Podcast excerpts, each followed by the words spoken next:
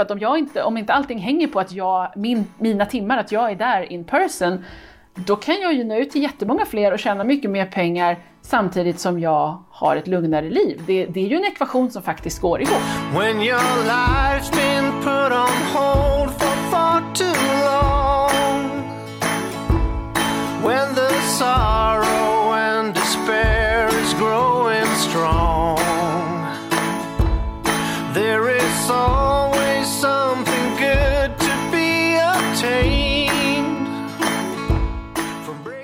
Nu var det dags igen Sara, ett nytt avsnitt av Bortom ekorrhjulet.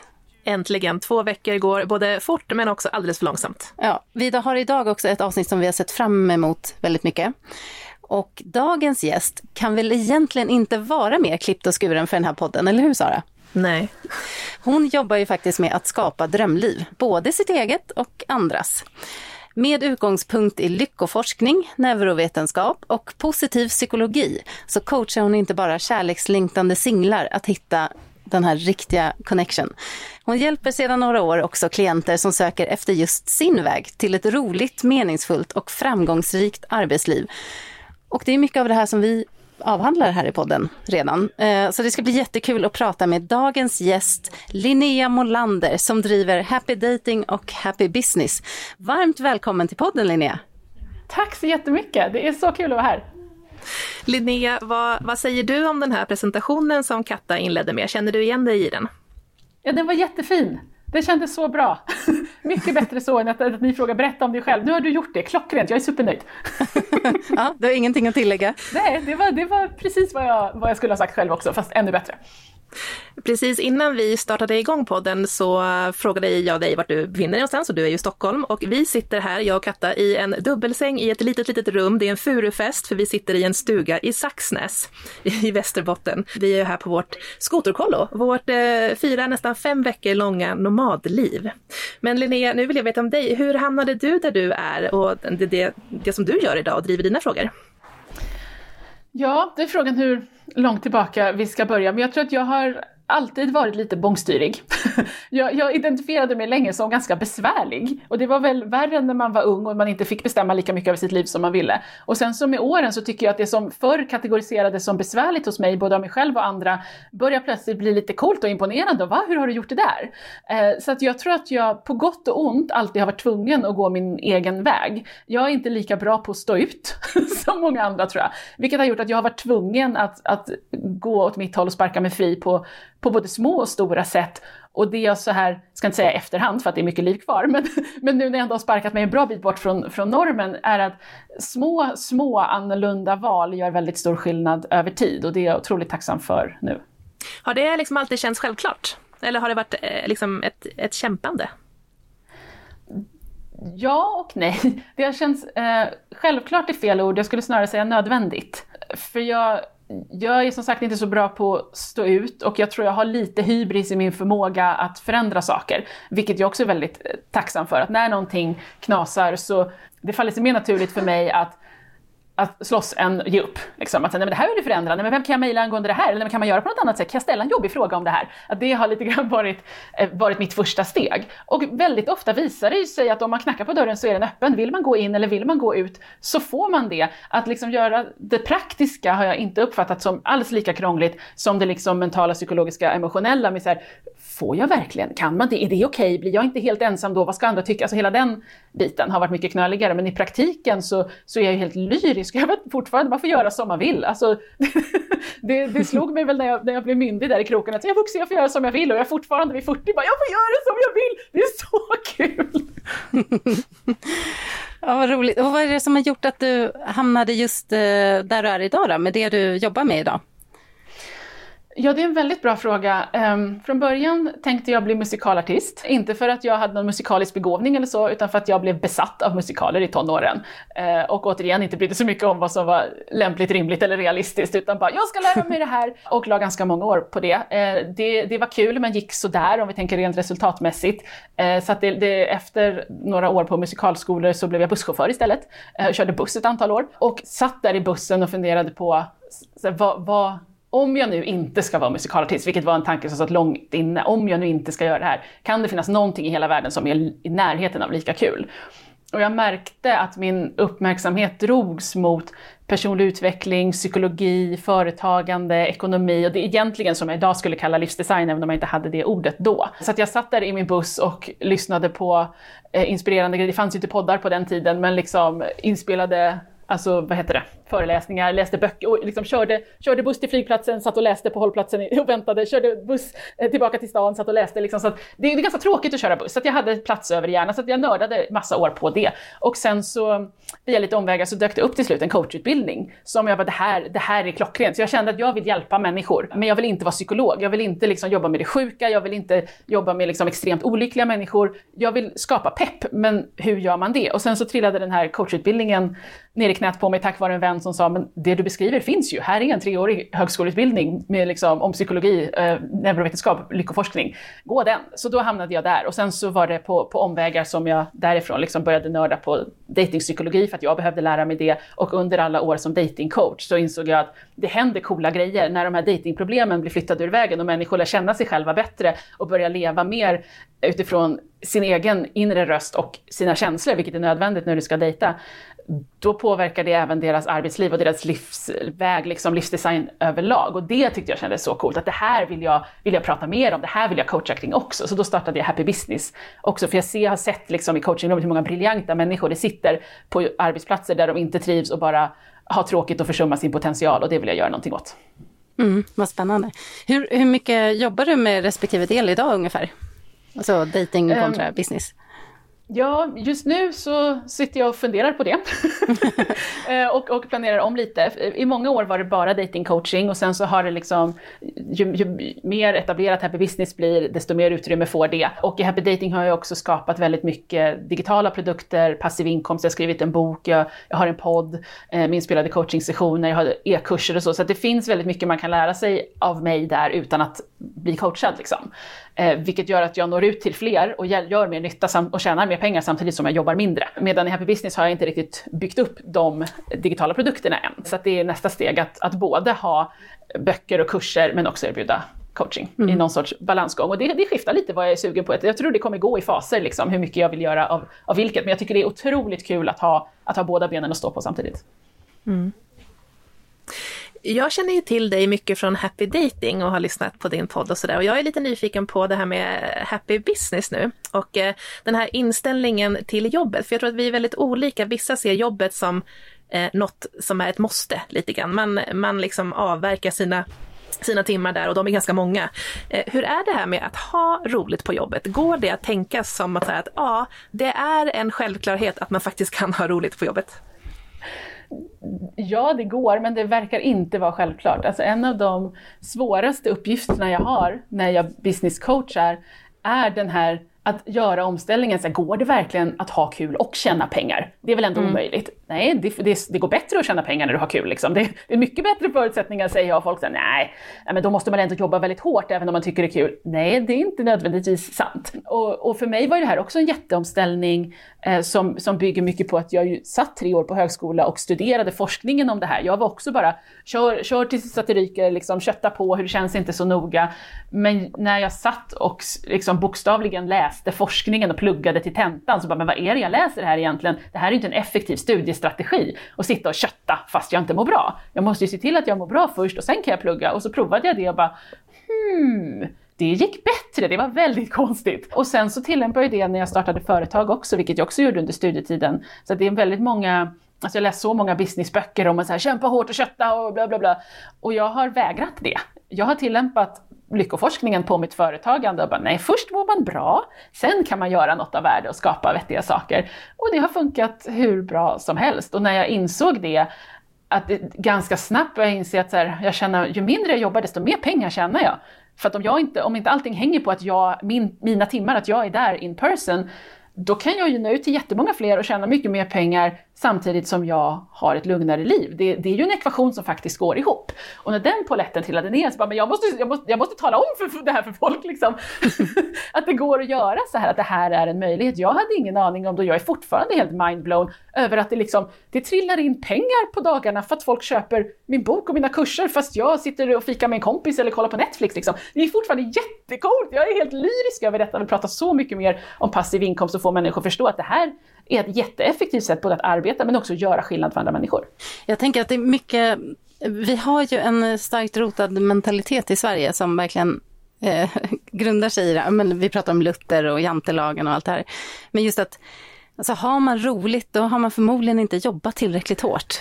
Tror du att det är typiskt svenskt eller eh, ser du att det händer någonting med den inställningen? Ja, eh, och, och Luther och kultur har absolut med saken att göra. Det, det samband jag ser starkast är den här, alltså att man identifierar sig med sina prestationer. För många känner sig bara bra om de presterar. Och om jag då kommer här och säger man behöver inte jobba så mycket, du kan försörja dig ändå. Det blir ett hot mot identiteten. Vadå, om jag inte ska sluta jobba? Ska jag jobba mindre? Men då, vem är jag då? Det blir nästan en existentiell kris trots att det är objektivt på pappret, det är så här, jobba mindre, tjäna mer, låter som en jättebra deal. Men för väldigt många är det hotfullt. Alltså om jag inte längre kan identifiera mig med mina prestationer, vem är jag då? Vad, vad, säger det om mig? Vad säger det om mitt värde? Och vips så får man då en, en ganska ordentlig anledning att reflektera över, okej okay, men vem är jag då bortom min förmåga att prestera? Vilket är en jättehäftig process att, att liksom guida någon genom i coachingen. Men, men just den nöten ser jag sitter hårt, att jag är bara bra om jag presterar och ja, så länge det känns sant så måste man jobba hårt för att inte känna sig som en dålig människa. Ja, men jag kan nog räcka upp handen där. Tror jag. Alltså jag, är verkligen, jag är ju präglad på det att man ska liksom jobba hårt och göra bra ifrån sig och ja, att vara mina prestationer. Så mm. Du är ju också prestationsdriven, mm. men mer för, kanske för att du älskar att prestera.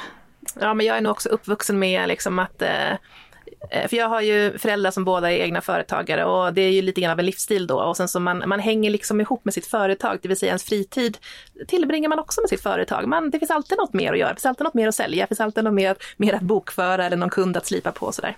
Eh, så att ja, jag övar också på att eh, att lite grann så här, inte jobba på en vardag och känna så att ja, men det här är okej. Okay. För jag kan tycka så att det är, det är lätt att vara ledig när de andra är lediga i samhället. Mycket svårare mm. när det är liksom en onsdag mitt i livet sådär. Och att känna mig värdig den tiden. Att inte behöva tänka på jobb. Mm. Lite som nu när vi är här. Ja, mycket övande de här veckorna.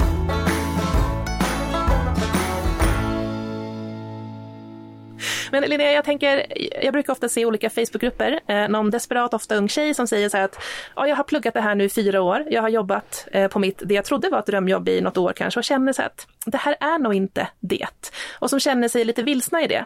Eh, och jag kan tänka mig att det också finns många som liksom har eh, ärvt ett jobb för att det kanske har gått inom familjen till exempel, eller man skulle liksom ha ett jobb där man, som, som var tryggt och säkert. Men det är inte det man egentligen vill.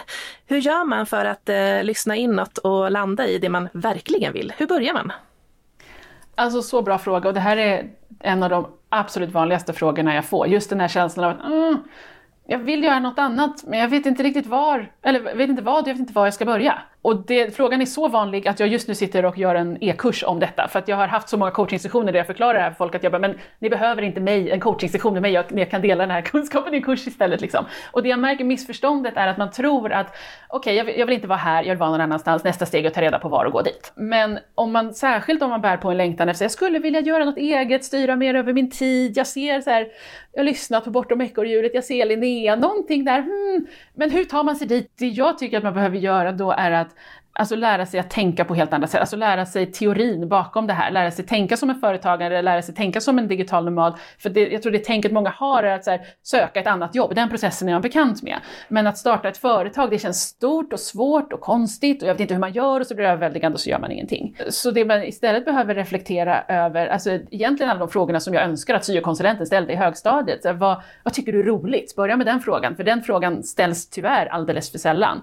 Vill du bli, liksom, oavsett vad du ska ägna ägna åtta timmar per dag åt, eller mer eller mindre beroende på hur du designar ditt liv. Så om du ska ägna så mycket tid åt någonting, se för tusan till att det är kul. Och då måste man ju börja med att bryta normer och säga nej men det går väl inte och man måste faktiskt betala hyran också, det kan inte vara roligt de flesta har inte kniven så hårt mot strupen att de måste välja bort kul. De flesta är så pass privilegierade i Sverige idag ändå att det finns utrymme för att fundera över vad skulle jag tycka vore roligt. Men då faller man i nästa tankefälla, så här, vad vore roligt att jobba med? Börjar man tänka, nej, nej, nej, vi ska inte hitta jobbet än. Börja med att bara kartlägga, vad tycker du är roligt? Vad ger dig positiv energi? Vad tycker du är intressant? Vart går din nyfikenhet naturligt om du släpper den fri? Genom att kartlägga det så, så får man fatt i liksom små ledtrådar som man sen kan bygga ett pussel av. Och det här är liksom bara första steget i, i hur man kan börja tänka på saker. Sen finns det andra delar också av att liksom upptäcka nya sidor av sig själv och börja se livet på andra sätt. Och när man har liksom tweakat om det tankesättet lite så kan man lägga ihop de här pusselbitarna. Okej, okay, men det här ger mig meningsfullhet, det här ger mig glädje, det här, det här tycker jag är skoj, det här har jag alltid varit intresserad av. Och jättemånga sitter också med en färdig dröm i bakfickan. Så jag har alltså datingcoachat så många som mitt under datingcoachingen kommer vi in på business coaching eller liksom karriärcoaching och de bara klämmer ur sig ett litet, fast egentligen vill jag göra det här. Och så har de bara en färdig perfekt affärsidé i bakfickan. Jag bara, men kör för tusan!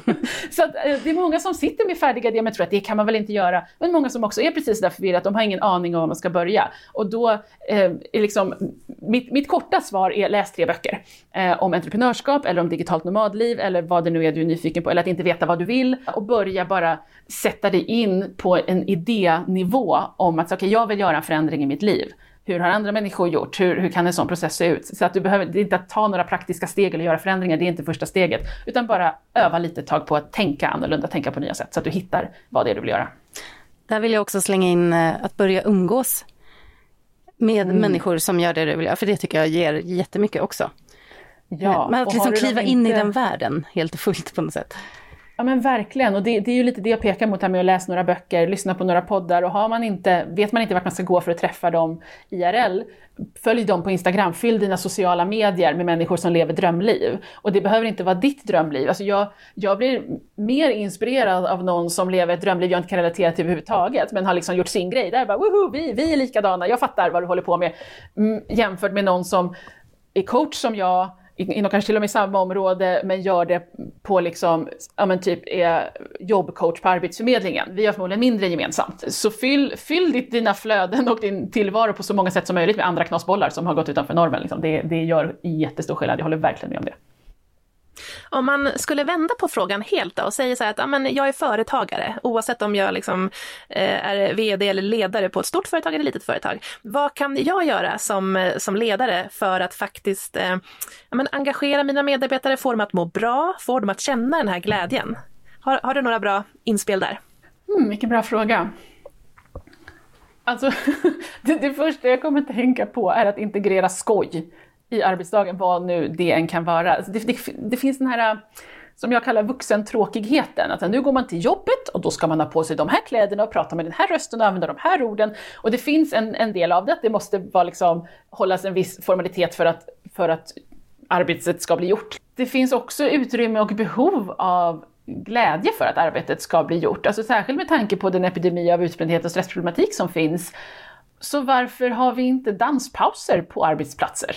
Det är ett av mina bästa sätt att, okej, okay, jag kanske sitter och skriver eller coachar och så har jag paus en stund. Men då måste jag ju få, få upp energin igen, eller liksom starta om energin, för nu ska jag coacha en ny människa eller skriva en ny text eller vad det är. Att sätta på en låt och dansa, det kan vara en låt i tre minuter, gör jättestor skillnad. Eller så går jag ut på balkongen och sträcker lite på mig. Men att på något sätt få in kroppen och glädje och sånt som vi egentligen ofta tyvärr ser som så lite barnsligt och oseriöst. Det finns massor av forskning på att det får hjärnan att fungera bättre.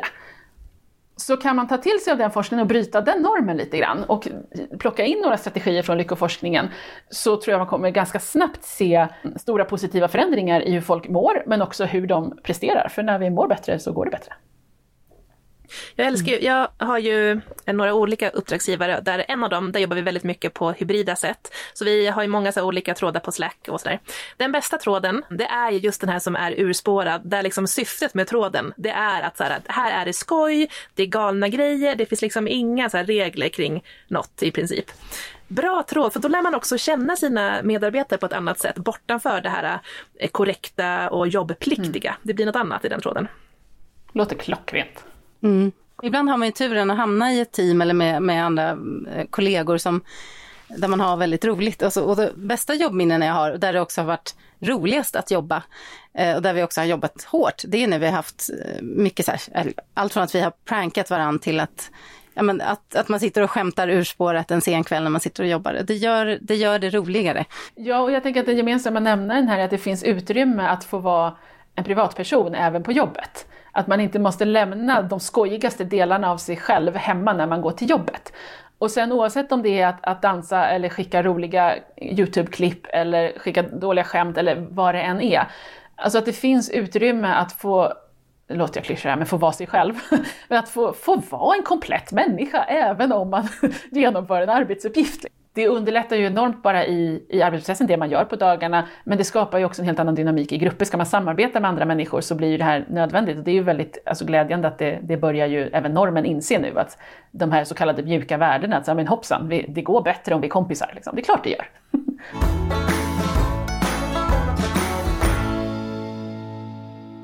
Du har ju nämnt några gånger här ordet life design, eller livsdesign. Eh, och det är ju ett eh, kärt gemensamt intresse för oss, eh, som vi alla tre har. Men eh, hur ser du på det och vad, vad, är liksom viktigast för dig i din life design och hur har du lagt upp det utifrån, utifrån Linnea? Ja, um, det känns som att det finns ett före och efter pandemin där. För före pandemin så under några år så smygstartade jag mitt digitala nomadliv. Först bara i form av att vara tidsoberoende eller platsoberoende lokalt i Stockholm. Eh, och sen så provade jag att göra lite längre visiter på andra platser, eh, men bara några veckor och insåg att det här var inga konstigheter alls. Alltså när, har, när du har makten över din tid så är det inte jättesvårt också att ta makten över, över din plats. Det blir snarare det, det knöligaste var eh, alltså tidsskillnaden många gånger. Men, men det slog mig hur hur enkelt det var. Det var inte så här svårt och konstigt och drömmigt och wow, tänk om. Det var liksom bara att köpa en biljett och åka dit jag ville åka. Alltså, och, och, många gånger är det inte ens dyra. Det är jättedyrt att leva normliv i Stockholm. Det finns massor av platser i världen som är betydligt billigare och platser i Sverige som är billigare än det. Liksom. Så att jag började utforska i små, små steg. Och sen så var jag en hel höst i New York eh, 2019 och kom hem, tror jag, november, december någonting och bara okej, okay, nu vill jag, jag vill halvtidsbo i New York. Liksom. Jag ska sitta av den här vintern i Sverige, sen när våren kommer då drar jag tillbaka till New York. Och då kom pandemin och jag fick sitta inne i två år eh, och göra annat, eh, bygga företag. Det var där jag, jag knäckte koden med passiv inkomst, startade en podd, eh, startade ett företag till. Så, liksom. så det, det var kul. Eh, och nu så ehm, har jag, jag var borta en sväng för ett år sedan ungefär. Eh, och sen dess har jag varit supernöjd med att bara sitta där jag är, göra det jag vill. Så det, det jag börjar landa i att innan har jag haft åh men jag vill, jag vill inte bo någonstans, boende är ett, så här, ett luftigt koncept, man behöver inte ha en plats. Så. Eh, och nu börjar jag inse att men det skiftar ju, det skiftar jättemycket vad jag vill. Jag kommer inte vilja samma sak hela livet, så jag tror livsdesign för mig handlar jättemycket om frihet. Både frihet att få göra som jag vill, men också frihet att få, vän, alltså få ändra mig. Att få göra någonting helt annat. Um, och, och den friheten börjar jag bejaka, för jag tror att jag tidigare har varit så här, men Linnea, nu har du ju förespråkat det här så hårt, du kan ju inte liksom plötsligt ändra dig. Jo, det kan jag, för man får göra som man vill! Återigen, för att komma tillbaka till det. Att du har friheten att skapa det liv du vill leva, oavsett om det är leva normliv en stund eller för alltid, eller bo på en båt, eller eh, jobba pyttelite, eller jobba jättemycket. Alltså, för mig är det bara bara frihet. Och sen vad exakt du väljer känns så sekundärt och det kommer skifta. Men bara att ha möjligheten att känna in hur vill jag leva idag, den, den kommande närmsta perioden, oavsett om den är en vecka eller några år. Um, men att, ha, att känna dig själv så väl att du kan känna in vad längtar jag efter just nu och sen ha den praktiska friheten att förverkliga det. Så skulle jag nog sammanfatta det. Intressant. Vi har ju pratat mycket om det i podden, just det här att um att många jobbar ju med fasta mål eller föreställningar om vad, vad man vill i livet och sådär. Och eh, någonting som jag upptäckte ganska sent i livet, eller man ska säga, sent i livet, men eh, för inte jättelänge sedan. Men det är ju det där att, att allting förändras hela tiden och det är en process eh, som är pågående och att man vill inte samma sak. Det är inte statiskt genom livet vad man vill. Så att det viktiga blir då att vara lyhörd gentemot sig själv och mm. reflektera som vi alltid landar i och eh, hitta Just det där, vad är det jag faktiskt mår bäst av just nu? Jag tycker det är jättebra att du lyfter det också, för det, det tror jag att det är lätt att fastna. Det, det är väl lite uppbyggt så, om man säger, normsamhället, att vi ska sträva efter vissa fasta saker på något sätt. Ja, fast det jag tyckte det var intressant när jag har levt som digital nomad, det finns ju normer där också. Där är det så här, jaha, har du fortfarande en lägenhet kvar? Jag har ju sålt allt jag äger och det är så uppenbart att det är det coola. Här är det normen, det är de som är tuffast liksom. och så ska Gud, man, man kommer aldrig ifrån det där. det, det, det, det gör mig matt ibland när man liksom verkligen söker sig bort från normen så hamnar man någon annanstans och bara jaha, men här är alla bara likadana yogabyxor istället. Liksom. Men det är intressant för det finns ju en annan sak som också återkommer även när man lever sitt drömliv och det är ju det här med att, att upprätthålla motivationen och att inte fastna i en vardagsrutin eller tycka att man har en tråkig vardagsrutin eller vad det nu kan vara. Att lite självledarskap helt enkelt och motivation som vi också har pratat om en del i podden här. Hur, hur jobbar du med det? Hur, hur ser du på det? Jag tänker att det här glädjefokuset löser det ganska bra. Alltså lyckoforskningen som jag liksom håller som grund, det låter pretentiöst, men alltså här, om Linnea är glad så brukar det gå bra. Så min främsta uppgift om dagarna är att se till att Linnea är glad. och det är hon inte alltid. Jag har också skruttiga dagar och liksom dåliga perioder och då är, då är min främsta uppgift att ta hand om det. Liksom. Under förutsättning att jag mår bra så upplever jag att jag har en ganska naturlig nyfikenhet och entusiasm. Och, alltså det här med att bejaka glädje gör att det dyker upp nya saker. Oh, men där, där är någon jag skulle prata med, eller där är en bok jag skulle läsa, eller här är något jag skulle prova, eller här är något jag vill skapa, eller och det här skulle jag vilja erbjuda mitt företag. Det kommer vågor av naturlig motivation skulle jag säga, så länge jag ser till att jag mår bra. Vilket då återigen gör att mår jag inte bra så är min främsta arbetsuppgift i företagandet att, att ta hand om det. Um, men håller jag mig över vattenytan så kommer det vara vissa perioder av bara lugn och ro och det är också helt okej, okay, men tillräckligt ofta kommer det vågor av framåtrörelse där jag genuint entusiastiskt känner Åh, Gud vad roligt, det här vill jag göra! Och eftersom jag vet att de vågorna kommer så behöver inte jag så peppa mig själv framåt för att jag väntar in vågorna och tar hand om mig själv under tiden. Liksom. Ungefär så jobbar jag.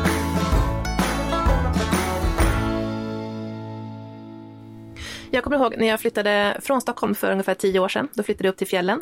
Eh, och sen under en period så pendlade jag lite grann fram och tillbaka. Och för mig, som jag gillar inte vardag, jag tycker vardag låter tråkigt. Eh, sen så kan man ju ha en kul vardag istället och då, då blir det en annan typ av vardag. Men jag minns reaktionerna från min omgivning som var så här Oj, Sara, hur ska du orka det där? Och, Åh, det där låter jättejobbigt. Och jag kommer ihåg att jag kände att det var mycket jobbigare att få höra omgivningens reaktioner än vad det var att dela mitt liv. Vad har du fått för reaktioner på, på ditt liv? Har du blivit liksom ifrågasatt utifrån dina val i din livsdesign? Väldigt lite faktiskt. Och jag tror att det har att göra med att jag alltid har varit konstig och besvärlig. Så min omgivning har, har inte förväntat sig något annat. Jag har inte fått några negativa kommentarer. Det jag upplevt folk, vissa fattar inte. Eh, och så kan det väl vara. Eh, men jag tror att jag för länge, länge sedan började omge mig med andra knasbollar som går sin egen väg. Um, och jag har diskuterat det här med, med en vän nyligen som, som började göra nya val lite senare i livet och märkte att då blev det en, liksom, en, en uppdelning mellan, så men gud jag går till ett annat håll än mina vänner gör. Medan jag inser att jag gjorde den uppdelningen för länge, länge sedan så att den, den, kontrasten, när jag har fortsatt göra egna val så har, har de flesta hängt med. Liksom. Sen har det såklart har, har liksom, alltså vissa människor har man inte lika mycket gemensamt med när man gör olika val av olika anledningar. Eh, men jag tror jag har haft eh, både tur, att jag inte har fått så, så, negativa kommentarer, men också att jag har, har preppat min omgivning för det här sedan långt tillbaka. Linnea, häng om två sekunder. Jag ska bara säga åt min sambo att inte vissla utanför den här dörren där vi sitter. Så du kommer nog höra det jag säger just nu. Danny? Kan du inte vissla där ute och inte prata så högt tack? Ah, the digital life. ja, nu kom det lite verklighet in här i, i podden. Ja. Men alltså de här normerna då? Alltså vår syn på vad som är görbart och vad som är rimligt ibland också. Vart kommer de ifrån? Kan vi ändra dem rent samhällsmässigt? Ja, det är klart vi kan. Det tycker jag absolut att vi ska göra. Eh, och jag tror att för nu frågar du var kommer de ifrån? Jag, jag blir sugen på att prata mer om vad vi gör åt det. Ja, vi, vi kan ehm. fokusera på det så har vi den här framåtrörelsen som du nämner. Nej, men för det, det jag blir så entusiastisk att prata om är att om, om du inte riktigt hör din egen röst, om du inte hör den här vågen av oh, gud det här skulle jag testa och även om den inte kommer som ett stort oh my god utan ofta kommer det snarare i form av ett litet hmm, det där, det där verkar lite spännande. Och om du inte har så pass mycket stillhet i dig själv eller runt omkring dig eller bara inte har övat på eller lärt dig att lyssna på den där lilla hmm, eller ibland låter det som nah. Hör du inte det, de små viskningarna i dig själv så kommer du köra på utifrån normen liksom, som skriker på dig hela tiden. Och men när man väl får tag i de här små viskningarna och inser att följa dem så går det väldigt mycket bättre hela tiden då är, är min erfarenhet och det jag ser hos mina klienter också, att Alltså det, är svårt att det är svårt för normen att konkurrera med dem hos en människa som faktiskt har fått ifatt i sin egen längtan. Mm. Så ju, bättre, ju mer vi lär känna oss själva och börjar lyssna på oss själva, vilket inte är det lättaste för att världen är skev, men om vi, om vi kan göra det, så du kommer fortfarande höra normen, men den kommer inte skrika lika högt. Eh, och det är så jag tror att ju fler människor som börjar lyssna på sig själva och därigenom blir, blir mer eller mindre tvungna att följa den rösten för att det gör ont att låta bli. Ju fler individer som gör det, till slut kommer det ju tippa över liksom. Så att det blir väldigt exotiskt. Va? Jobbar du på kontor hela dagarna? Det var konstigt. vi, liksom... vi kanske liksom alla ska bara ha som regel att bryta en liten norm varje dag för att öva in det här och att liksom få fler utanför att också se så här, oj, Sara gjorde det här. det här. Hon, hon, tog den sista kakan på tallriken idag. Det gick ju bra det också. För den, mm. det är sådär typiska, så här, åh det är en kaka kvar, det är en bit mat kvar. Nej, den vill ingen ta för att det, det, ja. det blir inte bra då. Liksom. Ja, upp till kamp. Eller, eller, lyssna på dig själv en gång mer varje dag. Att bara ställa den frågan, men vad, vad vill jag? Vill jag det här? Och det kan vara ja. ganska kul utforska lite, lite, alltså beklämmande kan det vara också när man inser att herregud vad har jag hållit på med hela livet, varför, varför gör vi så här? Men när man börjar lyfta på de där små stenarna, för jag hade en period där jag bara, men måste man verkligen äta lunch? Måste man äta tre gånger per dag? Vem har bestämt det? Och så måste man få lön den 25? Måste man ha lika strumpor på båda böckerna? Eller på båda böckerna, båda fötterna? så, jaha, sova, hur fungerar det? Så började ifrågasätta allting och landade i så här, ja, men ganska mycket ändå genomtänkt. Så jag behöver inte uppfinna alla hjul på nytt, mycket håller. Samlad livsvisdom. ja, men, exakt. men jag fick ändå in vanan att alltid tänka, hm, måste vi göra så här eller kan, vi, kan jag linjeifiera det lite för att det ska bli bättre för mig? Eh, och den, den erfarenheten har jag ju alltid med mig, att det är klart att jag kan, alltså jag kan uppföra mig om det behövs och göra som man ska. Men, men jag försöker att befinna mig i fler eh, sammanhang där det finns utrymme för mig att vara som jag är, vilket brukar inkludera andra som också är som de är och då, då det blir kul. Ja, för jag tror också att det handlar om att bli medveten om, det är så många normer vi följer som vi inte ens tänker på. Alltså, det, man mm. är inte medveten om dem. Så det, och då tror jag det där ifrågasättandet, det kanske leder till att man upptäcker fler, så, men det här gör ju jag bara utan reflektion, fast jag behöver inte göra det. Eh, det var Nej. en kul övning som jag tror vi kan ta med oss.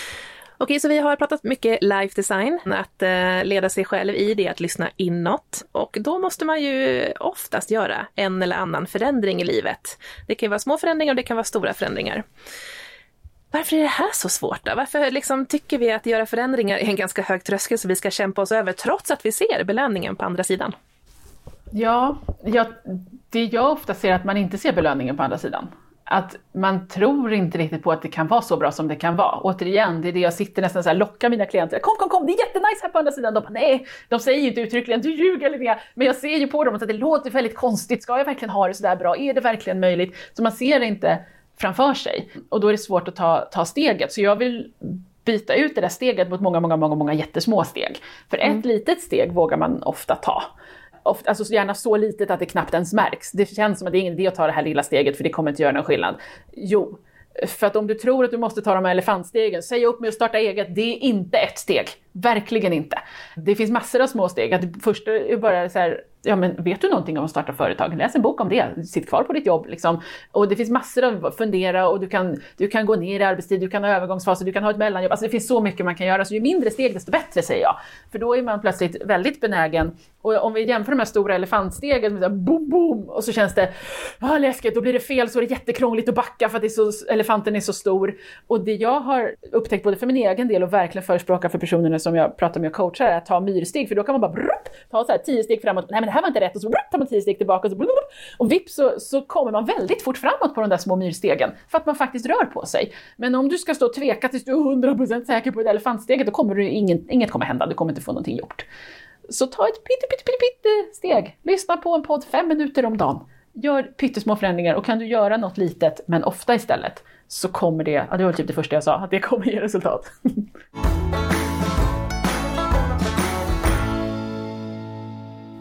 Linnea, du har ju också pratat om det här med inre och yttre utmaningar som håller oss tillbaks liksom, när vi vill göra förändringar. Mm. Kan du inte berätta lite mer ja. om det? Ofta möter jag personer som har så otroligt goda förutsättningar rent praktiskt. Alltså ekonomiskt, tidsmässigt, de har företag som kanske redan rullar eller rent objektivt sett så bara, det är bara att köra, det kommer gå hur bra som helst. Alltså det är otroligt uppenbart för mig att alltså, du har ingenting att oroa dig för. Men det som håller dem tillbaka är nej men så får man väl inte göra, eller nej men det kommer väl inte gå, eller är inte det väldigt svårt? Och det är det som jag tycker är så häftigt med coachingen, att här, jag brukar säga att driva företag är enkelt, att vara människa är svårt. Och det finns massor med businesscoacher som coachar kring själva byggandet av företaget, medan jag mer coachar människan. Att vad är det för rädslor som håller dig tillbaka? Om, så här, om jag skulle vilja skapa en onlinekurs, men ja, det är nog väldigt svårt och så måste jag göra si och så måste jag göra så. Jag bara, men vänta, stopp här nu, vad är det du tror att du måste göra? Ja, men då, då måste jag ju stå framför kameran och då har jag ingen, ingen utrustning, ingen studio och så hatar jag att stå framför kameran. Nej, men du behöver inte stå framför kameran, gör en ljudkurs då. Får man det? Ja, det får man. Du får göra som du vill. man får göra det som liksom passar en själv. Så att ofta så hålls vi tillbaka av rädslor som bara bygger på okunskap. Vi vet inte riktigt vad det innebär att göra det vi vill göra och då känns det väldigt stort och överväldigande och läskigt. Så återigen, då bryter vi ner det så här, här är ett litet steg. Om vi tar ett litet steg och så ser vi till att allt du behöver göra är helt anpassat till dig. Då plötsligt så blir det fart på folk. Vad är din synpunkt? Kan vi verkligen förändra hur vi har tänkt och fungerat i ett helt liv? Ja, alltså ja, jättemycket ja. Och mycket snabbare och lättare än vi tror eh, också. Vilket jag hoppas att, att det är något som jag verkligen vill visa med, med min podd. Eh, som ju är inspelad i coachingsession där man i realtid får höra någon gå från “jag vet inte hur det kommer gå, vad ska jag göra?” till “jaha, det var inte så svårt, det kan jag göra” eh, på en halvtimme. Liksom. Ehm, så att det, det är ju de här ofta bara missförstånden som håller oss tillbaka. Vi tror att det är på ett visst sätt och det verkar superläskigt. Och det är det som håller till mig tillbaka också. När jag tycker saker är läskiga så har jag också fastnat i någon tanke som ofta inte stämmer. Eller så har jag inte liksom verktyg, eller inte använt de verktyg jag har för att hantera de känslor som jag bär på. Uh, men och egentligen skulle jag säga att väldigt många av de problem vi har beror på att vi bara inte fått lära oss hur det funkar att vara människa. Alltså det var något som verkligen slog mig när jag läste neurovetenskap. Att så här, vi tror att vi är knäppa, konstiga och trasiga. Nej men du är människa, det är så här hjärnan fungerar och så här kan du tweaka det lite och liksom göra lite annorlunda så kommer det inte vara ett problem längre. Men om vi inte vet att det bara är ett, ett villkor för att existera som människa, att det är så det funkar att ha den här människokroppen och den här människohjärnan, då kommer vi ju tro att vi är trasiga på något vis när det inte blir som, som vi hade tänkt oss. Och när, ju bättre, återigen kommer tillbaka till att lära känna sig själv. Um, för att ofta är det mycket lättare än vi kan föreställa oss, men det, finns det kunskapsluckor i vägen så, så kommer vi fastna liksom, för vi tror att något är fel. Vi pratade ju lite grann i början om det här med att lyssna inåt för att känna efter vad man, eh, man vill ha mer av i sitt liv. Hur, eh, hur gör du när du coachar klienter som känner att de vill hitta sin dröm, men inte vet hur. Ta reda på det. Vad tycker du är skoj? Vad ger dig positiv energi? För det finns många ledtrådar bara där i vad, vad som kan vara en bra väg för dig att gå. Och om du hittar kombinationen av det här tycker jag är kul, det här råkar jag vara bra på och kanske till och med andra är inte så bra på det här, då har du verkligen riktigt goda förutsättningar. Mm. Så intressant. Jag tror att våra lyssnare har fått mycket med sig att tänka på framåt. Linnea, om man känner att man vill ha mer av all din inspiration och din klokskap, vart ska man gå då någonstans? Då rekommenderar jag Happy Business Instagramkonto som en start. Happybusiness.se heter kontot. Eh, det kommer nya inlägg hela tiden, men det finns också massor att läsa bakåt om eh, pengar, psykologi, försäljning, lycka, livsdesign, all, all the juicy stuff. Så gå dit och, eh, och njut lite av normbrytande läsning. Då tar vi väl och rundar av där. Och tusen tack Linnea för att du ville vara med i podden och dela med dig av uh, all tack. din visdom. Vi är så glada att vi fick till det här intervjun till slut. Ja men jag med, jag med. Så glad att vi fick till det här. Så fint att prata med er. Och det är ju någon mer vi ska tacka också, eller hur Sara? Alltså Sven Karlsson, Epidemic Sound, tack för musiken.